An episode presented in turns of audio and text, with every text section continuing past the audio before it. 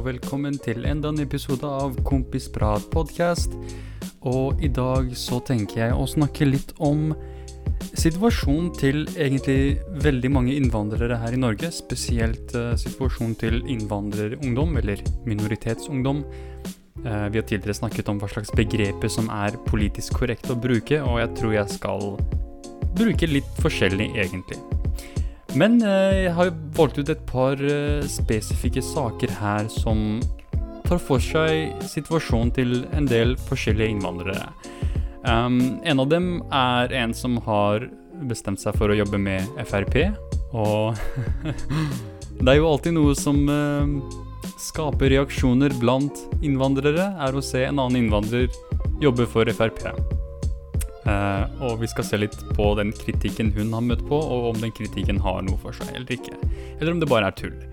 Uh, jeg tenker også å ta opp et tema som egentlig går uh, veldig sånn under radaren når det kommer til ikke bare innvandrere, men menn generelt, og det er mental helse.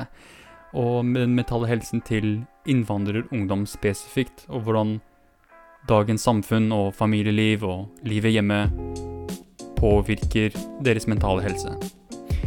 Uh, jeg vil også ta opp uh, noe om uh, Ja, et, et, par ting som Et par ting som Sylvi Lysthaug har, har, sagt gjennom tidene. Jeg vil bare kjapt nevne det. Um, liksom, det er jo Ja, det er jo nettopp, nettopp vært valg, så man må egentlig snakke litt om det valget som har vært nå. Men det eneste jeg skal si om det valget, er Um, så lenge du ikke stemte på Frp, eller uh, en av disse dypt rasistiske partiene, sånn små, små uh, rasistiske partiene, så er jeg fornøyd. Så hvis du stemte på Høyre eller KrF eller ja, et hvilket som helst parti som er på høyresiden, med unntak av de rasistiske partiene, så er jeg fornøyd. Så har vi to ingenting å krangle over, egentlig. Uh, men jeg tenker også ta opp en artikkel her som handler om dette her med at uh, i, i, sånn, ungdom, eller folk generelt da, med innvandrerbakgrunn, ofte faller utenfor. Og hva årsaken til det er. Uh, ja, fordi mange tenker ja, det er fordi du er innvandrer. Det er fordi du er utlending. Det er derfor du faller utenfor. Men uh, denne studien her viser at egentlig det er mer enn det. Det handler ikke bare om å være utlending. Det handler egentlig om en del andre ting som kommer med det å være en utlending og innvandrer. Så vi starter med denne saken om Dana Manuchaheri. Manuchaheri jeg, kommer til å slakte alle disse navnene.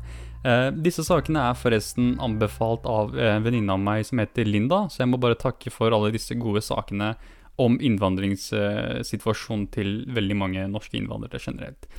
Så eh, denne Dana Manu Chaheri.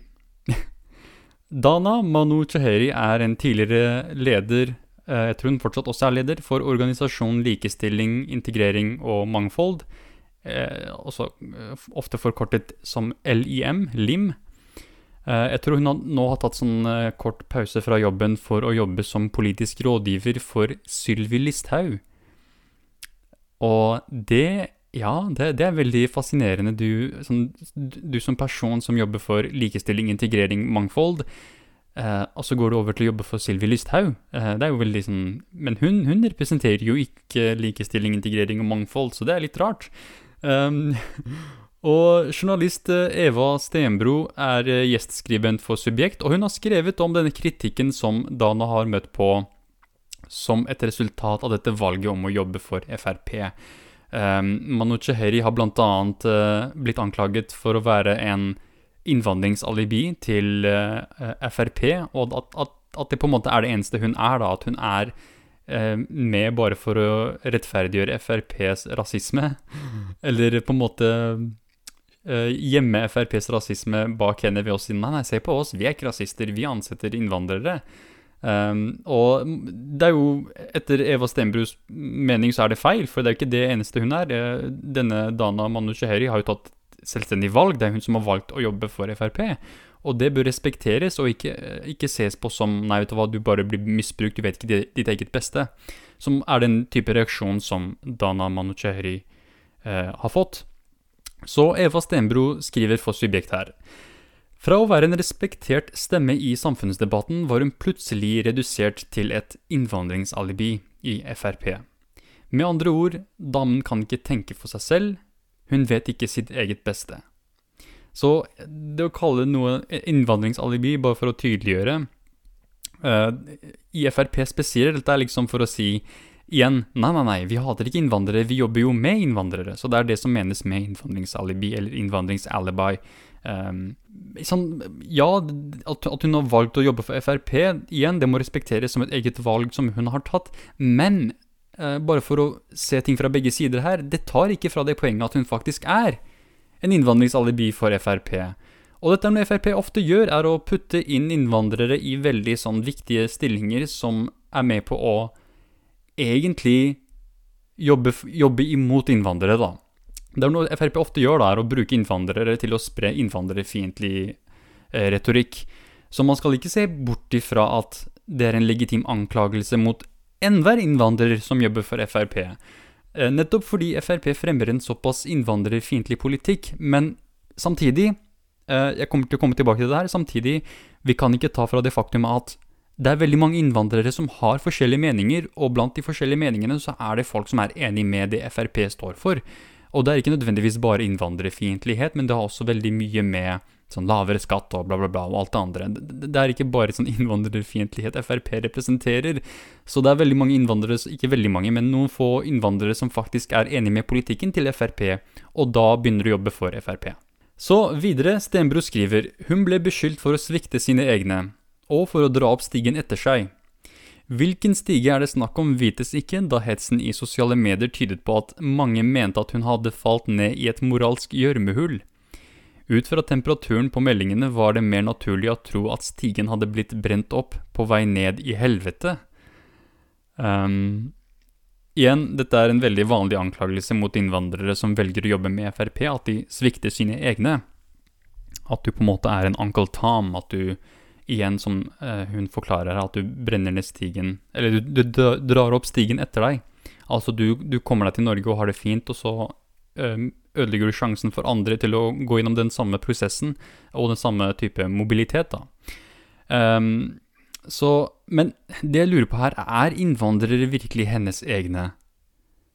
Sånn, hvis du velger å samarbeide med Frp, uh, eh, er det tydelig at rettferdig behandling av innvandrere ikke er din prioritet, etter, etter min mening. Etter min uh, humble opinion, så er det slik at hvis du velger å jobbe med Frp, så er det ikke nødvendigvis det som er din prioritet, og da kan du ikke si 'Å nei, men uh, du svikter dine egne'. Men, men de er ikke, vi er ikke, jeg er ikke hennes prioritet. Jeg er, liksom, jeg er ikke en av henne. Hun, hun, har sine egne meninger, hun har sin egen uh, kultur, egen tradisjon, egen filosofi. Bare fordi hun velger å dra til Frp, betyr ikke at hun svikter meg. Jeg, jeg, kjenner henne ikke. Hun har ingenting med meg å gjøre. Hun har ingenting med de fleste innvandrere å gjøre. Hun er ikke en representant for innvandrere, så hun svikter ingen her. Hun gjør det hun vil. Enkelt og greit. Uh, men dette her med at Frp på en måte At de ikke bryr seg om innvandrere, at, at på en måte innvandrere er ikke deres prioritet, eller, eller innvandreres um, uh, velferd er ikke FrPs prioritet. Hvis du ikke tror på meg, så kan du lese en artikkel skrevet av Eh, David Vojislav Krekling, og det er, en artikkel for NRK. Og Der ramser han opp eh, elleve ting som Listhaug har sagt gjennom tidene. Og blant de er veldig sånn innvandrer, innvandrerfiendtlige ting. Uh, og ikke minst de grove urettferdige forslagene om å utvise foreldre til gjengkriminelle fra landet. Og det å sende barn i fengsel, og det å øke Norges strafferamme for fengsel til 50 år altså fra 21 til 50 år. Um, med andre ord, dette er ikke en person som har omsorg, eh, eller eh, som har omsorg som prioritet i møte med innvandrere som har endt opp som kriminelle, eller som har hatt det vanskelig og falt utenfor. Eh, Sylvi Lysthaugs tilnærming til dette problemet er brutalitet. Rett og slett brutalitet og vrede. Sånn hun har en intens hat for folk som har falt utenfor, som folk som har endt opp som kriminelle fordi de ikke klarte å finne sin plass i samfunnet. Men uansett, tilbake til Manu Chaheri Chaheri, Chaheri? Chaheri? Sorry. Igjen, jeg beklager for at jeg slakter navnet her. Um, så det at hun skal samarbeide med en slik person, så er det forståelig at andre reagerer negativt på det. Og sett fra perspektivet til offentligheten etter at en har vurdert profilen til Manushehri og Listhaug, eh, så kan man skjønne dette her, så kan man forstå disse reaksjonene. Eh, Chaheri har liksom jobbet for å fremme likestilling, integrering og mangfold. Og samtidig nå så skal hun jobbe med en person som absolutt ikke deler de verdiene. Du går altså fra en posisjon som sier innvandrere og storsamfunnet må samarbeide om å Eh, for å sikre en bedre framtid, til en posisjon hvor minoriteter er ansett som ikke verdig tittelen norsk engang, med mindre du fullstendig assimilerer deg og utrydder, utrydder din kulturelle bakgrunn. Eh, og noen ganger så er ikke det nok engang. Sånn, du kan jo bare se på hvordan Frp, hva slags syn de har på samene. Sånn, selv det er ikke nok for dem, liksom. Eh, i, i, mange tilfeller. Um, og, og, det er jo akkurat det FrPs verdier er når det kommer til minoriteter. De vil ikke ha noe med de å gjøre. De vil ikke ha det i Norge. De anser de som den andre, den fremmede, den, den som ikke er norsk, den som ikke fortjener vår oppmerksomhet, den som ikke fortjener vår tid og ressurser og, og omsorg. Um, så det folk som Stenbro her må forstå, er at er at slike ting får de reaksjonene nettopp fordi Frp kan avvise all kritikk om at de er innvandrerfiendtlige, ved å vise til at eh, deres politikk er fremmet av en innvandrer selv. Sånn, nei, nei, nei, vi er, vi er ikke innvandrerfiendtlige, bare se, det er en innvandrer som har jobbet for LIM, er på vår side.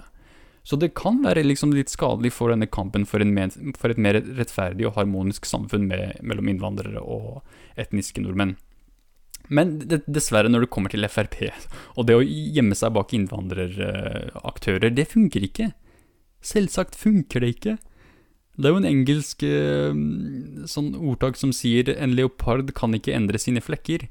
Og det er akkurat det det gjelder for Frp. Sånn, du kan ikke skjule hvem du er.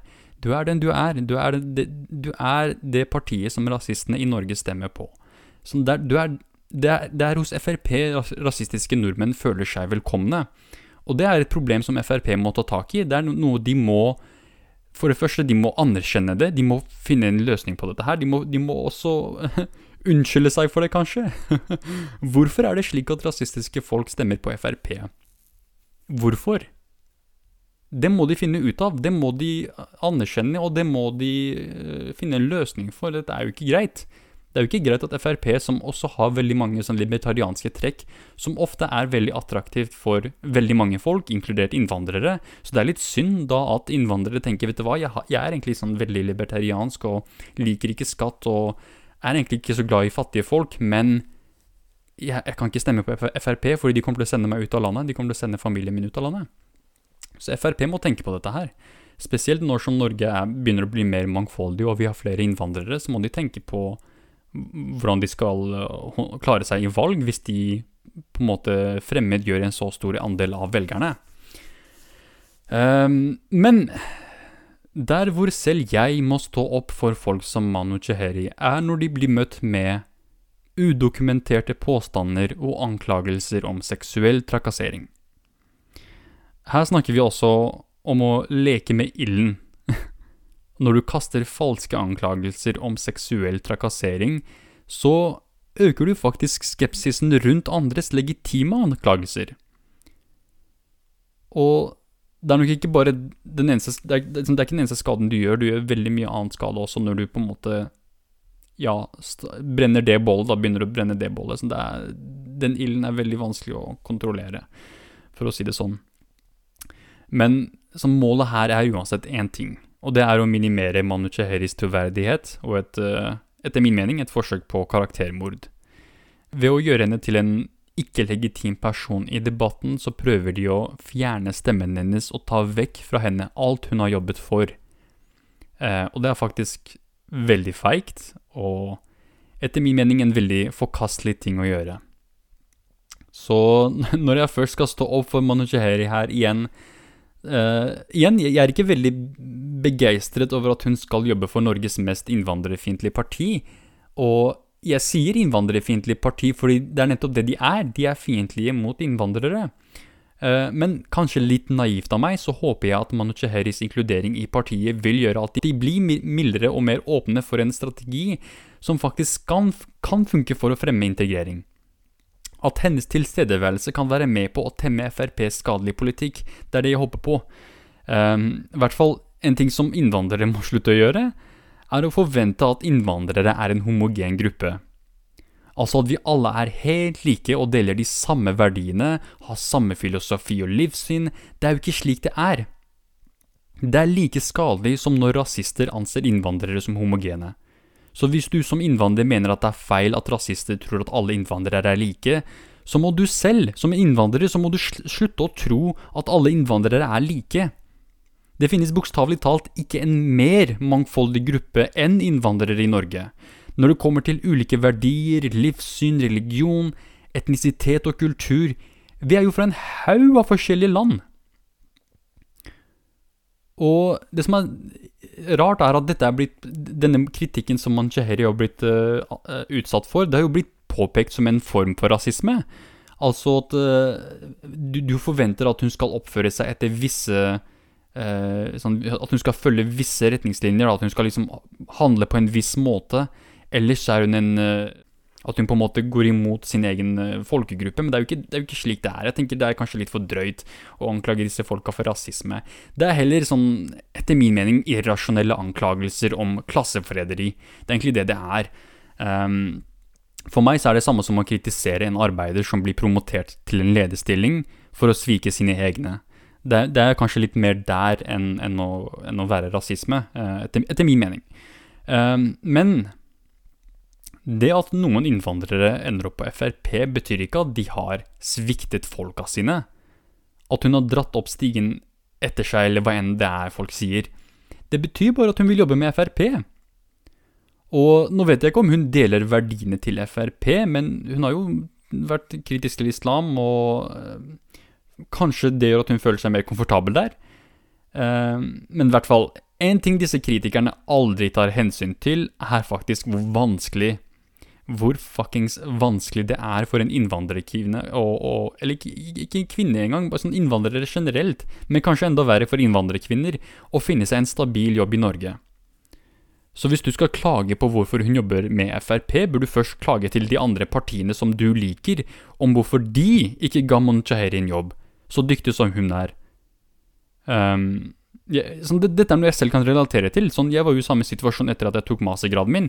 Jeg søkte jo på en jobb uh, som eh, kommunikasjonsrådgiver hos de fleste av de mer innvandrervennlige partiene, men jeg kom ingen vei der. Men så kom jeg borti en uh, sånn, sånn lik stilling for Frp. Og jeg hadde nok fått den jobben, nettopp fordi jeg er innvandrer og Frp hadde ansett meg som noe de kunne ha brukt som innvandreralibi. Uh, men jeg valgte å ikke gjøre det nettopp fordi jeg ikke er enig med FrPs politikk. Uh, og i den, den, politiske kampen for harmoni og fremgang, så anser jeg egentlig Frp som mine største motstandere. Så jeg gikk i stedet sulten og arbeidsledig. Noe som egentlig slo hardt ned på selvtilliten min, sånn det var ikke akkurat det beste for meg, men det var det jeg valgte å gjøre istedenfor å jobbe for Frp. Men det er ikke alle som er like heldige som har den sosiale og økonomiske tryggheten til å ikke ta de jobbene her. Så det er også noe vi må ta hensyn til, at det faktisk er vanskelig å skaffe seg en jobb. Så det at uh, en innvandrerkvinne har fått seg en jobb i det hele tatt, er noe som bør applauderes. Det er noe som bør feires, ikke ses ned på og, og, og bli, bli sånn, brukt som en unnskyldning for å trakassere henne. Det er jo bare tåpelig. Eh, la meg bare drikke litt her.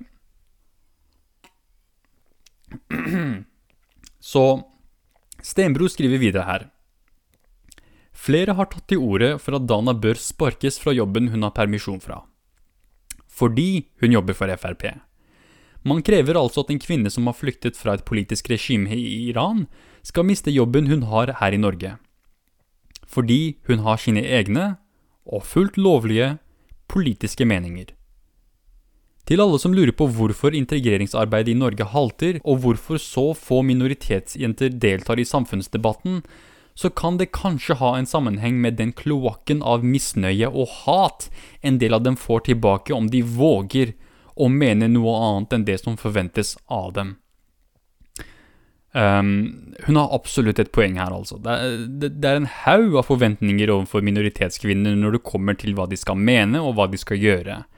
Her snakker vi altså om en, en form for politisk korrekthet, og i, sånn, i riktig betydning av det ordet. Um, det er kun visse politiske meninger som er korrekte, og hvis du går imot dem, så får du de reaksjonene som Manu Chaheri her har opplevd. Uh, og sånne som meg, som ønsker en innvandringspolitikk som ikke trosser folks verdighet og ønsker et mer harmonisk samfunn, så gjør det vondt å miste en sånn stemme til et sånn moralsk forkastelig parti som Frp, etter min mening. Um, og personlig så har jeg ingenting imot Manu Cheheri, um, og en av de vakre tingene med Norge er at en har muligheten til å ha en slik mangfoldighet av meninger og, og perspektiver. Men jeg er uten tvil en motstander av Frp, og jeg har ingen interesse av å gi min støtte til det partiet i det hele tatt, eller de som bidrar til det partiet. Men eh, til syvende og sist så betyr det ikke at den kritikken som Manu Chaheri her har blitt utsatt for, er riktig. Ikke i det hele tatt. Det er bare helt idiotisk. Um, så før jeg tar en kort pause her, så vil jeg snakke litt om Sylvi Lysthaug, som er den personen som uh, Manu Chaheri her skal være en politisk rådgiver for. Uh, det er bare et par sånne notater jeg har skrevet opp her fra ting som jeg husker Sylvi Lysthaug har sagt og gjort. Da hun ble spurt hva Jesus ville ha gjort for å hjelpe flyktningene fra Syria, så sa Listhaug uh, at, at, Jesus ville ha hjulpet flyktningene der de var. altså hjelpe dem der istedenfor å hjelpe dem her. altså Hvis det hadde vært opp til Listhaug, så hadde ikke Dana fått Dana Manucheheri Hun hadde ikke fått flykte til Norge engang. Hun hadde heller fått hjelp i Iran for å sørge for at uh, hun ikke skulle ta reisen til Norge. Så det er det, dette noen, veldig mange mener med at hun har opp, dratt opp stigen etter seg, er at uh, hvis det hadde vært opp til Listhaug, så hadde du ikke vært i Norge engang. Men nå skal du jobbe for henne. Det er litt rart. uh, det er egentlig det veldig mange som sier dette her, mener. Det er dette de refererer til. Men det betyr, igjen, det betyr nødvendigvis ikke at den kritikken hun har fått, er riktig. Det er jo det ikke. Det er jo ikke det i det hele tatt. Um, videre, Listhaug har stolt erklært støtte om å fengsle barn som hun mener er alvorlige kriminelle. Og før du sier men Hivar, barn som voldtar og slår og er voldelige og dreper, de bør fengsles. Eh, så vil jeg at du skal huske Nå går jeg det en veldig rar stemme her, men husk hva en i Norge anser som alvorlige forbrytelser, ok? Før du velger å si at dette er en god idé. Voldtekt, er det, er det alvorlig? Absolutt. Veldig alvorlig. Men noe som vi i Norge som anser som enda mer alvorlig enn voldtekt, er rusbruk. Og nå overdriver jeg ikke i det hele tatt. Ikke i det hele tatt. Bare se på de lovene vi har.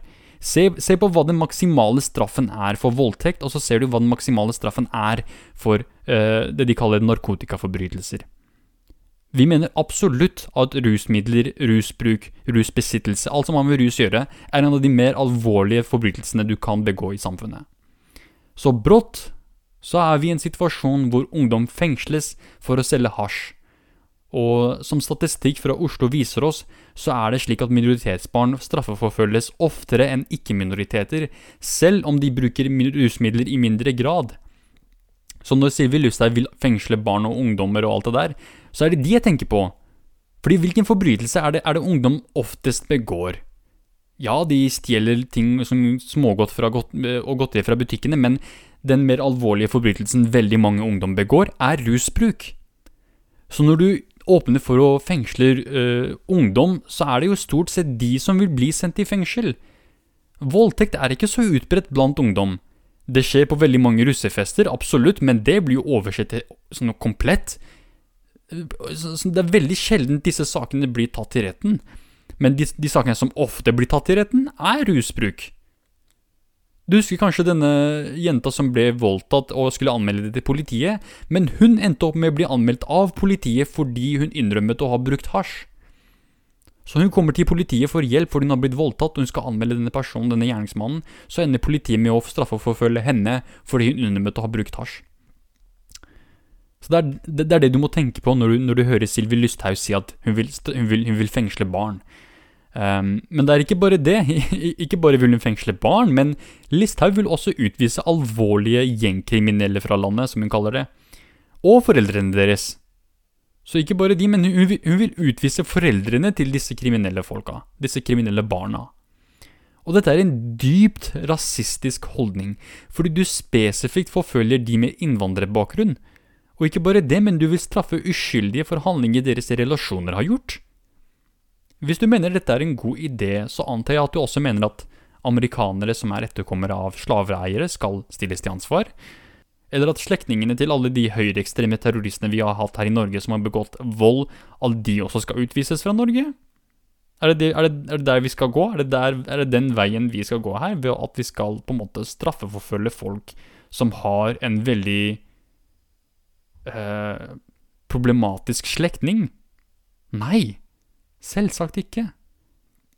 Vi skal ikke straffe deg bare fordi barnet ditt vokste opp til å bli en kriminell. Det går jo fullstendig imot norske verdier om selvstendighet og individualisme. Det er jo ikke riktig i det hele tatt. Absolutt ikke. Så det, igjen, det, er retta mot innvandrere, så det er spesifikt en innvandrerfiendtlig politisk eh, stilling som Listhaug har. Og som jeg nevnte tidligere, så har Listhaug også fremmet ideen om å øke strafferammene i Norge fra 21 år til 50 år.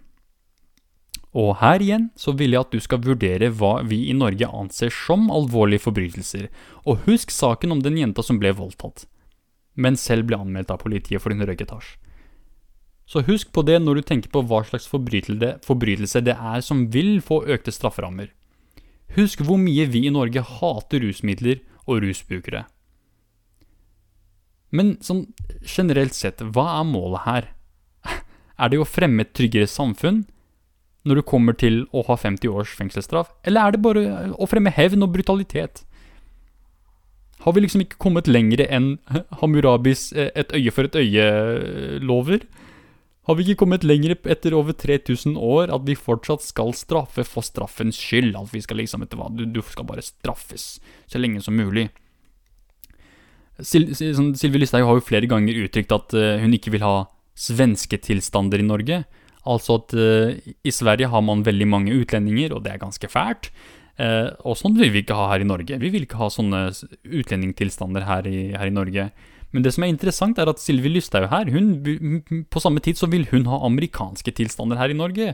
Og jeg vet ikke hvordan det er med deg, men jeg vil ha svenske tilstander helst det, fremfor amerikanske tilstander. Jeg vil helst at Norge skal være mer som Sverige enn Amerika, hvis vi skulle velge, da. Hvis, hvis det er snakk om et valg. Men aller, aller helst så vil jeg selvfølgelig ha norske tilstander i Norge. Det er ikke som om vi kommer til å adaptere en eller annen type eh, sånn eh, sam, samfunnsoppbygging og, og, samfunnsfilosofi sånn all, som et samfunn, at vi plutselig skal bli som svenskene. Det er ikke slik det fungerer. Det er, det er noe veldig norskt med Norge, og det er det som gjør Norge fint. det var veldig tullete sagt av meg. Men det er bare et tegn på at jeg trenger en kort pause. Så etter den korte pausen så kommer jeg tilbake for å snakke om noe som egentlig har veldig, veldig, mye med dette her å gjøre. Altså disse, disse innvandrerne som faller utenfor. Eh, de som Sylvi Lysthaug er så keen på å kaste ut av Norge.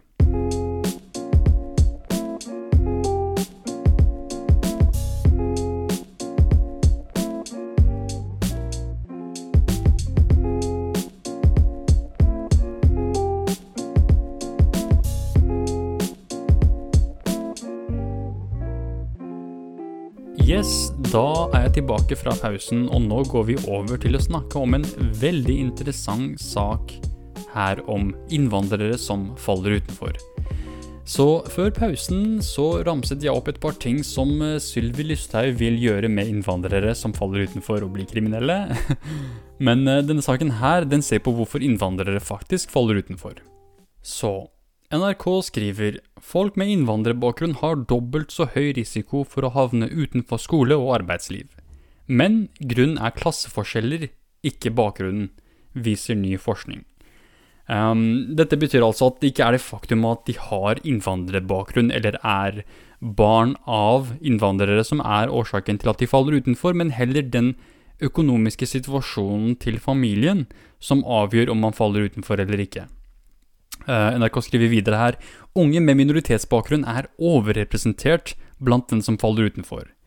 Um, og altså, Når vi snakker om de som faller utenfor her, uh, vi mener de som ikke får en plass i samfunnet og ender opp som outsidere. Uh, uh, ofte er dette her ungdom med minoritetsbakgrunn. Det er ofte med de dette her skjer med.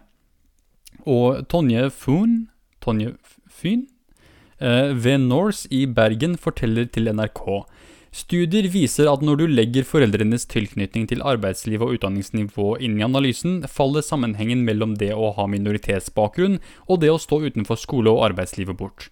De tingene som avgjør om en med minoritetsbakgrunn faller utenfor, er, ifølge Fyn her, når man kom til landet, antall år på skole, grunnskolekarakter, årsak til innvandring, opprinnelsesland og den sosioøkonomiske statusen til foreldrene. Det er det som avgjør om man faller utenfor eller ikke. Uh, altså, det er familier der uh, foreldrene har lite utdanning og lav inntekt. Um, og Statistisk sentralbyrå uh, rapporterer også at det er enda flere innvandrere som faller ut av skole og arbeidsliv nå enn tidligere. Så når det kommer til dette problemet med, at, med innvandrere som faller utenfor pga. Uh, rett og slett klasseforskjellene, at de er på en måte uh, ikke rike nok, da, eller ikke har no den der eh, sosiale, økonomiske og sosiale sikkerheten til å faktisk klare seg gjennom livet, da, så anbefaler forskerne at det bør være et fokus på å utjevne sosial ulikhet, og samtidig legge vekt på tiltak som ser ut til å virke. Eh, nemlig de som gir tett og individuell oppfølging med fokus på kvalitet i relasjoner mellom den som skal hjelpe, og den som skal motta hjelpen. Eh, samtidig, Ap sier, eh, altså Arbeiderpartiet, de sier at innvandrere som kommer til Norge, de må bidra til å bli integrert, altså lære seg språket og gi ekstra innsats og få seg en jobb. Det er sånn, det er sånn du ikke faller utenfor, ved å, ved å lære deg språket og, og få deg en jobb. Eh, samtidig så sier Høyre at eh, de vil fokusere mer på utdanning, altså å lære seg språket, lære seg norsk og komme seg, komme seg i arbeid raskere. Så det som er ganske skuffende her, og tragisk, med både Arbeiderpartiet og Høyres tilnærming til, at, eh, til hvordan man skal løse dette problemet, er at begge påpeker det åpenbare. At det, at det ved å få seg en utdanning og arbeid er sånn man ikke faller utenfor. Ja, selvfølgelig vet vi det. Problemet her er nettopp det at de faller utenfor utdanning og arbeidslivet. Så mange av de opplever at utdanningsmulighetene er helt elendige og de finner ingen nytte av å ta det seriøst. Samtidig så er det mange som ønsker seg en jobb, og vil jobbe, men finner ingen muligheter. Dette fører da til en ond sirkel hvor den eneste utveien er å ty til kriminalitet. Så det hjelper ikke å si at den løsningen er at du skal lære deg språket og finne deg en jobb, men hva, hva, om, hva om, du ikke finner en jobb? Hva, hva, er løsningen da? Hva skal man gjøre da? Um, og Arbeiderpartiets uh, sånn, fokus her er spesielt skuffende. For de forteller innvandrerne at det er opp til dem selv å bidra til samfunnet. Men igjen, hva om samfunnet viser deg fingeren, og ikke vil ha noe med deg å gjøre? Hva gjør du når du vil jobbe, men ingen vil ansette deg? Og hva gjør du når du vil ta utdanningen din, men lærerne de bryr seg ikke i det hele tatt om deg, og de gir deg ikke den oppmerksomheten og støtten som du trenger? Og ikke bare det, men hva skjer når en faktisk får seg en jobb, tar utdanning, men sosiallivet er helt elendig, og en er under konstant press om å oppfylle visse krav og forventninger, og igjen det er at det er med på å gjøre at man faller utenfor. Det er altså mye som må tas hensyn til her, og man må egentlig anvende løsninger som er rettet mot spesifikke saker og enkelteksempler og enkeltpersoner her. Vi kan ikke skape sånne forventninger om at alle skal følge en viss tilnærming, og at det skal være løsningen som passer for alle. Det er jo ikke slik det fungerer. Det er jo ikke slik mennesker er. Og det minner meg egentlig litt om eh, den eh, illustrasjonen av eh, elefanten, gullfisken, apen, eh, pingvinen, bikkja og kråka. Liksom masse, alle disse forskjellige dyrene. Samtidig så er det én lærer som sier eh, oppgaven deres er å klatre på det treet der. Ja, ja, for, for noen så er det veldig enkelt. For apen er det veldig enkelt. For kråken er det superenkelt. Men for elefanten, for gullfisken, pingvinen og bikkja, så er det jo For noen av dem er det en utfordring, men for andre så er det rett og slett umulig. Og det er det samme med, med tanke på det å forvente, forvente at man skal eh, få ta en utdanning og få seg en jobb. Ja, men, men hva, hva, er det, hva, er det, som ligger i det? I den prosessen så er det veldig mange som faller utenfor, som ikke er eh, fordi, Nettopp fordi prosessen og systemet ikke er tilpasset deres behov. Så det blir utrolig vanskelig, og det tar man ikke hensyn til. Ehm, men jeg, tror kanskje problemet her er at vi fortsatt anser innvandrere som en sånn type homogen gruppe. At de alle har felles utfordringer og løsninger som passer for de alle. Når det i realiteten eh, er egentlig en svært mangfoldig gruppe som har en haug av ulikheter, og som på sin egen lille måte på en måte bidrar til at barna deres faller utenfor disse ulikhetene de går rundt og med seg på. Eh, og som forskerne her viser til, eh, f.eks. hvor man kommer fra, utdanningsnivå, grunn for innvandring, økonomisk situasjon Det at folk har forskjellige situasjoner og forskjellige opprinnelsessteder og forskjellige kulturer, det betyr at de, for, de krever forskjellige tilnærminger. At vi, vi, krever forskjellige prosesser for å hjelpe dem. Og først når vi forstår dette her, når vi forstår at dette er snakk om veldig forskjellige folk, kun da kan vi finne løsninger som tar hensyn til det. Uh, og jeg tror kanskje det er først da vi kan begynne å skylde på innvandrere når de faller utenfor. Kun da er det rettferdig å ha disse kravene og forventningene om at de skal eh, ordne, de skal uh, være ordentlige, at de skal passe inn, at de skal klare seg. Uh, men vi kommer ingen vei ved å se ned på ungdommen, spesielt ungdommen.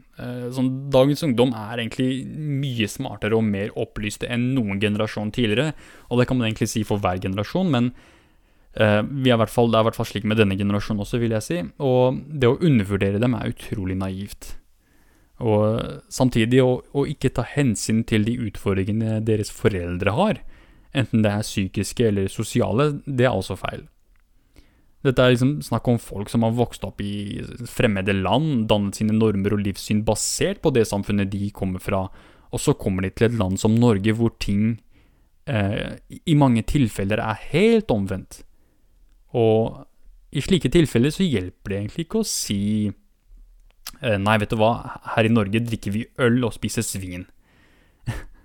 Dette er altså en gruppe som bør møtes med omsorg og bør inkluderes i integreringsdebatten. Eh, spesielt med tanke på at de har en gigantisk innflytelse på ungdommen som bor hos dem.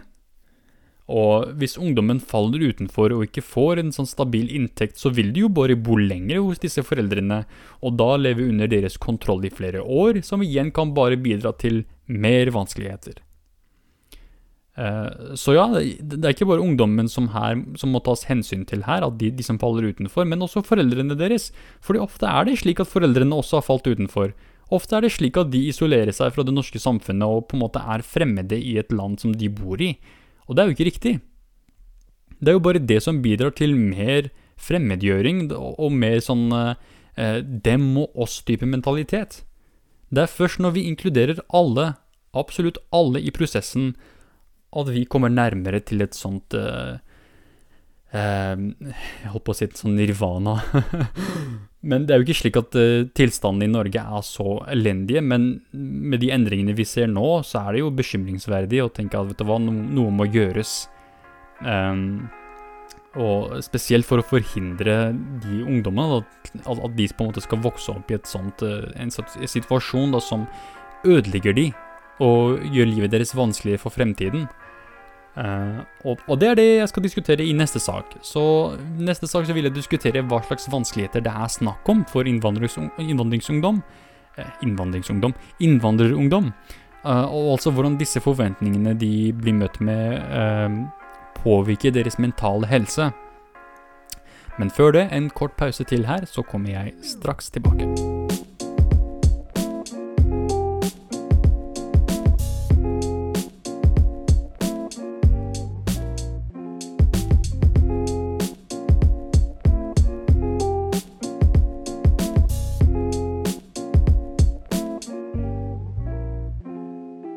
Yes, da er jeg tilbake, og nå går vi over til å snakke om eh, hvordan disse forventningene som veldig mange minoritets... Eh, eller rettere sagt minoritetsmenn opplever, og hvordan dette påvirker deres mentale helse. Så dette er en artikkel fra skjønnsforskning.no. De skriver unge minoritetsmenn med psykiske problemer blir usynliggjort. Artikkelen her tar for seg en rapport som er skrevet av forskerne Minella Kosuta og Marianne Hulli ved KUN, kun likestillingssenter. De forteller forskning på sosial kontroll blant minoritetsungdom er hittil kun basert på kvinners fortellinger. Der blir mennene beskrevet som utøvere av kontroll og vold. I denne rapporten lar vi mennene komme til orde ved å intervjue dem om hvilke restriksjoner og begrensninger de opplever, både hjemme, på skolen og i samfunnet ellers. Dette er altså en forskningsrapport som tar sin data fra intervjuer. Eh, vi må derfor ta hensyn til at de opplevelsene som blir gjengitt av forskerne, og de funnene forskerne rapporterer, er basert på det de har funnet gjennom disse intervjuene med denne spesifi spesifikke gruppen av minoritetsmenn de har intervjuet. Um, de snakker mye om sosial kontroll i denne rapporten fra perspektivet til minoritetsmenn. Uh, altså hva de kan og ikke kan gjøre, hvordan de er begrenset av familien hjemme. Uh, rapporten viser også at det er en form for uh, sosial kontroll som kommer utenfra hjemmet i form av rasisme og stereotyper som de møter på i storsamfunnet. Det er altså forventninger om hvordan de skal være, og de kan, uh, hva de kan bli. Det er altså forventninger som ikke bare kommer fra hjemmet, men også utenfor hjemmet. Og dette skaper da følelser som igjen medfører en negativ effekt på den mentale helsen. Uh, en ting mange deltakere av studiet rapporterte om, var erfaring med vold i oppveksten. Uh, det var ulike grader for veldig mange av de. For noen var det snakk om ja, nærmest drapsforsøk, mens for andre var det litt mildere opplevelser med vold. Men eh, Kosuta her forteller at alle erfarte vold som en slags kontinuerlig faktor Altså trusselen om vold og volden i seg selv, da den var der hele tiden. Den var der alltid. Um, og i forbindelse med forventninger uh, opplever de at de må i større grad bidra til familieøkonomien fordi de er menn, og de skal da være økonomisk ansvarlige. Uh, forskeren forteller at uh, de fortalte om dårlig råd og økonomisk utenforskap, det å ha lite og samtidig se at andre har ting som de selv ikke har.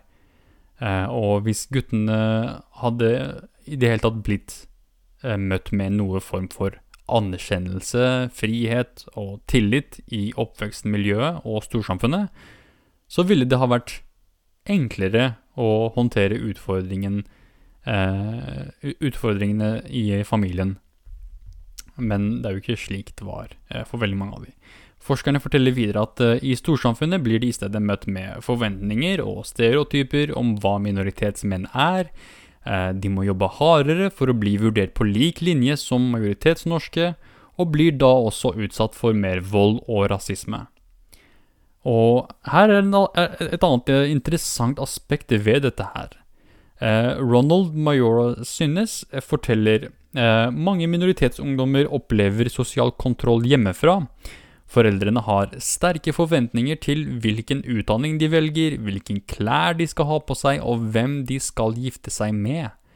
Eh, samtidig forventes det at de tilpasser seg majoriteten. Eh, så du skal altså følge en viss type livsstil som eh, er eh, sånn særegen og så spesiell for den type kultur du kommer fra. Så samtidig så skal du tilpasse deg det, det majoriteten og det samfunnet du lever i. Um, men dette er altså i hjemmet. Eh, samtidig utenfor hjemmet så forteller Synnes eh, ungdommen jeg har snakket med, opplever sosial kontroll også ute i samfunnet. De må tilpasse væremåten sin for å bli akseptert som norske. Hva de sier, hvordan de snakker, eh, hvordan de snakker og til og med måten de går på. og særlig gutter kan bli lett oppfattet som utagerende og mistenkelige hvis de på en måte skiller seg ut. da. Um, forteller videre her De jeg har intervjuet, forteller at, er, at, de er konstant redde for å gjøre ting feil, og de blir oppfattet uh, som ikke-integrerte. Uh, og noen føler seg ensomme og misforståtte, både hjemme og ute på gata. Um, man, man, snakker ofte om at innvandrere må gjøre en bedre jobb i å integrere seg, sånn som det vi så på i forrige sak, og det Arbeiderpartiet og Høyre sa. Sånn, man, man, sier at innvandrere må gjøre en bedre jobb i å integrere seg og være mer aktive på skolen og ta utdanningen sin. Men eh, forskerne fra denne rapporten her forteller at mange av disse deltakerne opplevde det å bli gitt opp av, av lærerne sine. Hun forteller at eh, de beskrev at de ønsket å gjøre det bra på skolen, men at lærerne møtte dem med stereotyper som at de ikke hadde noen fremtid, og at det kom til å gå dårlig med dem uansett. Eh, mange følte at de ikke ble sett uansett hvor hardt de jobbet, fordi de ikke fikk hjelp til skolearbeidet hjemme. De ble eh, eh, fordi, beklager, fordi de ikke fikk hjelp til skolearbeid hjemme, ble de gitt opp av lærerne. Dermed ble de overlatt til seg selv. Disse begrensningene fører da til helseplager. Eh, Deltakerne har uttrykt utfordringer som uro, tristhet, ensomhet, bekymringer og søvnproblemer. Eh, de prøver å, å eh, legge det i en skuff og ikke plage andre med problemene sine. Dermed blir de ikke fanget opp at de sliter psykisk, verken av folk rundt dem eller av hjelpeapparatet. Og mange av deltakerne bruker da rus, spill og vold for å håndtere de vanskelige følelsene. Men alt dette her, det med at det er de som sliter hjemme, og de som har det vanskelig med storsamfunnet, at de, det er de som faller utenfor. Dette er jo noe vi egentlig har visst ganske lenge. Spesielt i forbindelse med disse gjengkriminelle som Frp og andre, andre innvandrerfiendtlige i Norge viser stor bekymring for. De er svært bekymret over at ungdom henger ute på gata og begår forbrytelser, men de viser veldig lite bekymring når det kommer til disse barnas mentale helse og det faktum at de er liksom ute på gata. Hva gjør at en ungdom velger å begå ran? Hva er det som gjør det? Hvorfor er det slik at en ungdom velger å gjøre dette her? Og hva er det som gjør at en ungdom velger å røyke hasj istedenfor å ikke gjøre det? Og hva er det som gjør at en ungdom velger å banke opp den som kommer med rasistiske utsagn, istedenfor å bare ignorere det og gå videre?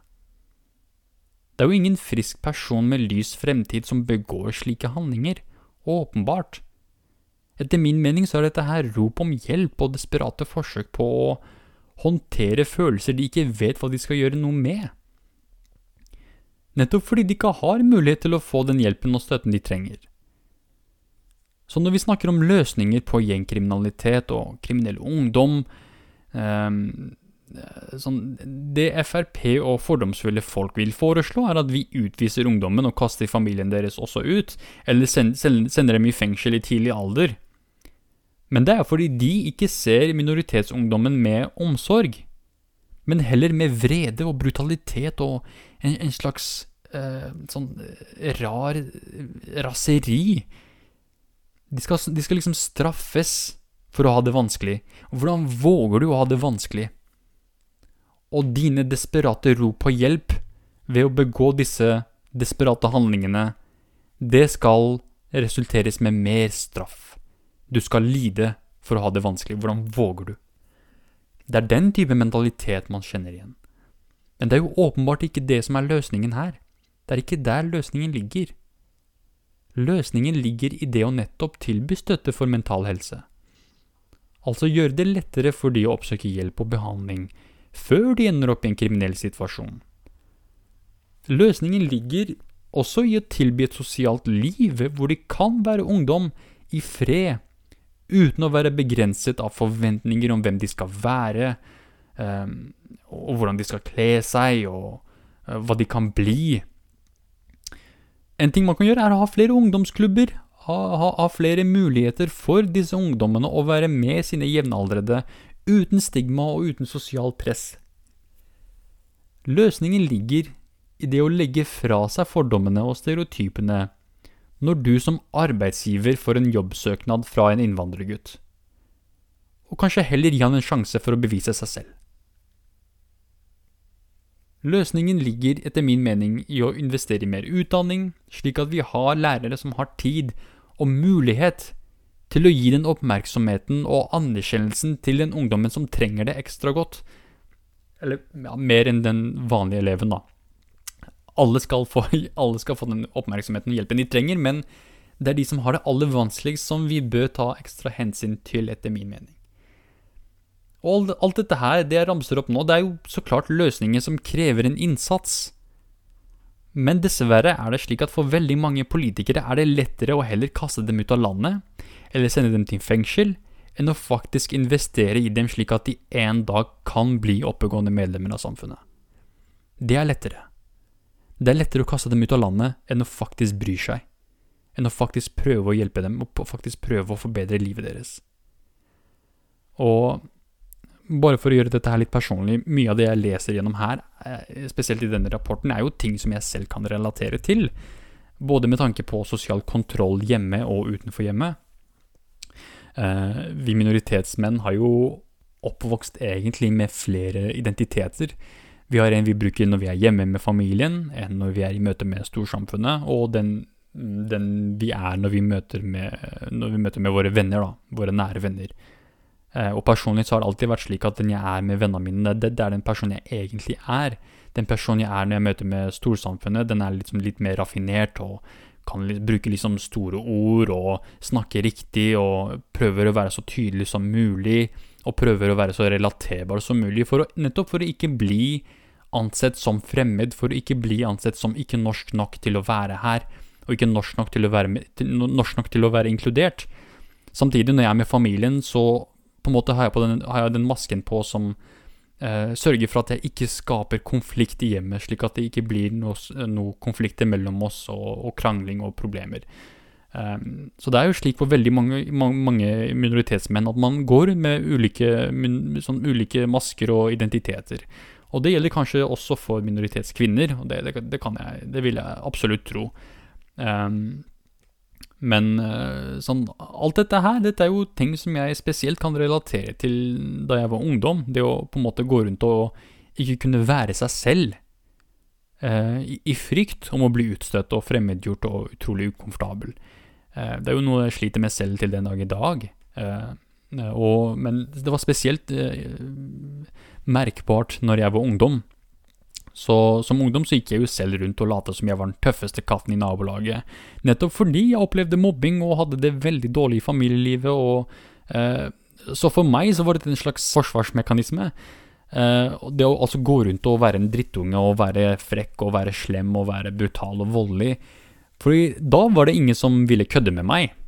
Når jeg liksom er litt farlig, så er det ingen som vil kødde med meg og mobbe meg og plage meg og eh, trakassere meg. Da, da, da er liksom det en som ikke kan fuckes med. Men det som er litt trist da, er at da er det heller ingen som vil henge med deg. Og det var jo slik for meg, var, da var det ingen som ville henge med meg, og ikke ville ha noe med meg å gjøre, nettopp fordi jeg var en voldelig liten dritt. Um, og det gjorde at jeg gikk rundt med følelser av dyp frustrasjon, sinne, uh, og i mange tilfeller nærmest raseri. Og ikke bare det, men et utrolig dårlig selvbilde, og ikke minst ensomhet. Massevis av det. Og igjen, dette er ting som jeg til den dag i dag eh, har en slags negativ effekt eh, på min uh, oppførsel og min atferd og min mentale helse. Dette er ting som fortsatt påvirker meg. Og dette er ting som jeg ennå jobber med å bli bedre på, nettopp fordi jeg aldri fikk den hjelpen jeg trengte som ungdom. altså når jeg var bråkmaker og tenkte at Ja, og gikk rundt og trodde jeg var liksom den tøffeste kiden i nabolaget, og ingen kunne kødde med meg det er mange lærere som på den tiden var en stor innflytelse på meg. Det mange av de ikke skjønte, var at jeg rett og slett trengte en klem. Det var egentlig det det var. Jeg trengte bare noen til å vise at de brydde seg, for jeg, jeg, fikk jo ikke det noen andre steder. Um, men nei da, de trodde heller at jeg bare var en tulling og uh, en, en, ja, en bråkmaker med null fremtid. Og det var jo slik de behandla meg. Det var jo slik jeg husker å bli uh, behandla på skolen. At jeg liksom selv, selv, de gangene jeg prøvde virkelig, de, de gangene jeg prøvde å liksom vise meg fram og gjøre en god jobb, selv da ble jeg møtt med sånn skepsis og hva er det du pønsker på nå-type holdning, når jeg faktisk prøvde meg på en oppgave, når jeg faktisk prøvde å vise at jeg kunne mer enn det eh, de forventa av meg, da. Eh, og det er egentlig litt rart, fordi det at jeg kom meg gjennom videregående og universitetet med to grader, det var jo egentlig utrolig utmattende. og Det var jo av et, av et, eget initiativ, selv om det var utrolig slitsomt. Det var av et eget initiativ, og det krevde egentlig veldig mye disiplin på min side. Eh, og det var jo ingen som støttet meg gjennom denne perioden her. Det var jo veldig få som faktisk var der for å høre meg ut når jeg trengte noen å snakke med. Og ofte når jeg hadde venner som faktisk hørte på meg, så syntes de det var utrolig slitsomt å høre på meg snakke, fordi, det, fordi jeg var så negativ om livet mitt. Men på den ene siden så forstår jeg jo det, men eh, jeg forsto også at de ikke kunne relatere eller forstå hvordan det var å være innvandrer og gå rundt med den graden av sosial kontroll som jeg gikk rundt med.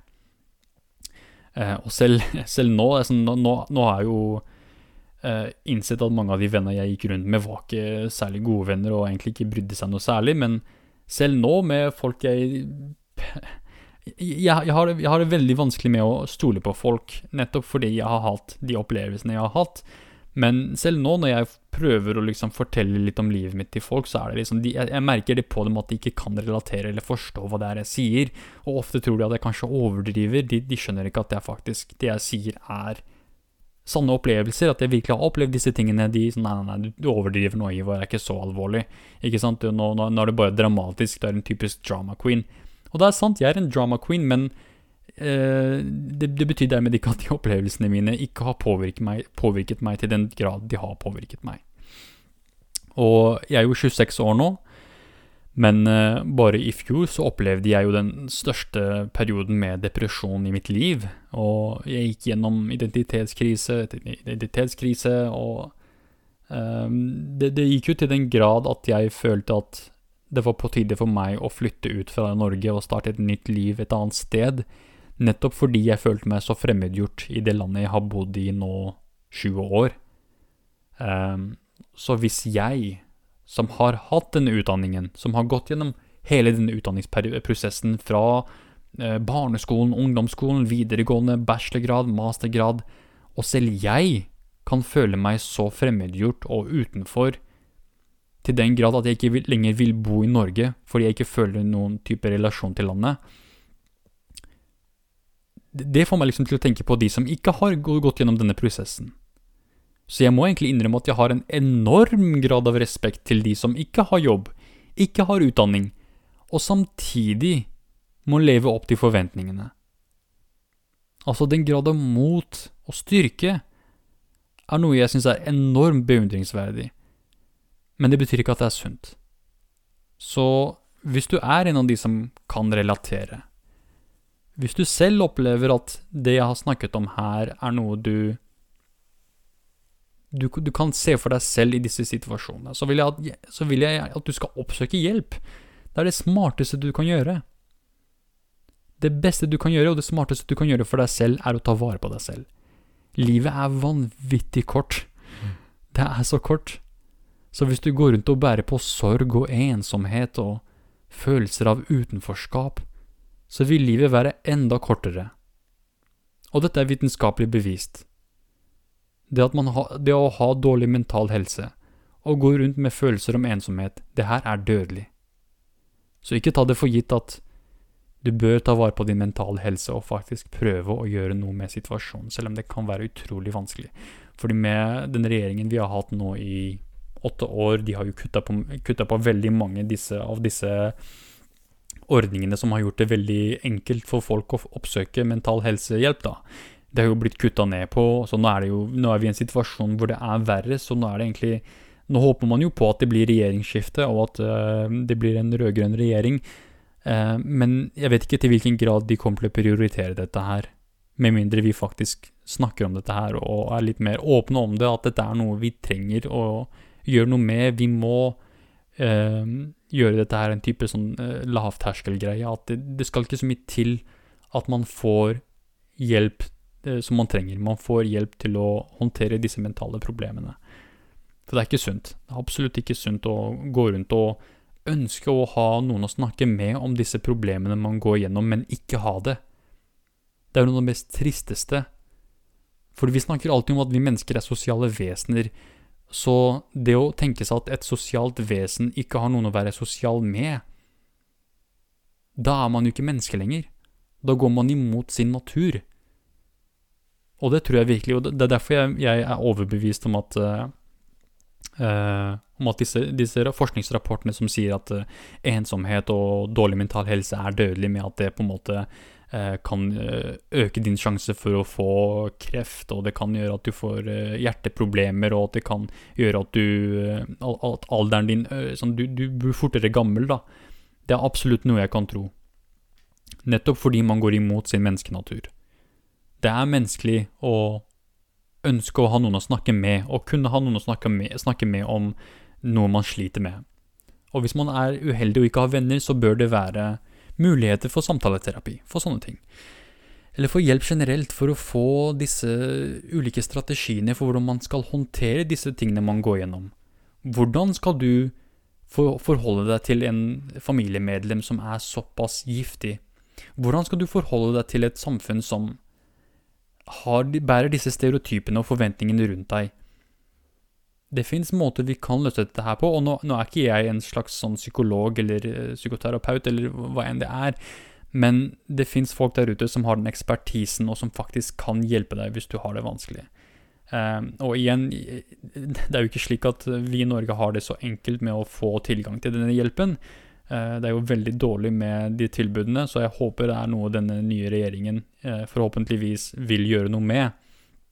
Hvis det blir en ny regjering. Det er stor sannsynlighet for det. Men jeg, jeg håper virkelig det. At det er, det, det er, noe som blir prioritert. Og også at uh, minoritetsmenn som nå vi ser er blitt på en måte har vært under radaren så lenge, de også faktisk gjør noe med situasjonen sin. Uh, ja, det, det, er kanskje det, ja, det største håpet mitt uh, for, uh, for, nå. I hvert fall i forbindelse med disse sakene her. For dette her var veldig trist, egentlig, alle disse situasjonene. Dette, dette er virkelig noe jeg håper vi kan få gjort noe med. Og det skal ikke være så vanskelig. Det skal ikke være så vanskelig å faktisk tilby folk den hjelpen de trenger for å kunne en dag bli oppegående medlemmer av samfunnet. For hva er det motsatte? Hva er alternativet? At det blir mer gjengkriminalitet. At det blir mer forbrytere i samfunnet. Og det er jo ikke ønskelig. Det, er, det vil vi ikke ha. Så hvis vi vil ha et mer eh, rettferdig samfunn, med et mer harmonisk samfunn, så må vi faktisk putte litt innsats i det. Vi må faktisk gjøre noe med det. Vi kan ikke bare snakke om det og ha disse forventningene om at å, du skal ta utdanning, du skal skaffe deg en jobb, Um, og du skal gjøre ditten og datten, men samtidig ikke gi disse folka de verktøyene som de kan bruke til å faktisk oppnå disse tingene. Uh, det blir bare tullete. Og det viser egentlig hvor lite disse politikerne vet, og hvor lite de egentlig bryr seg.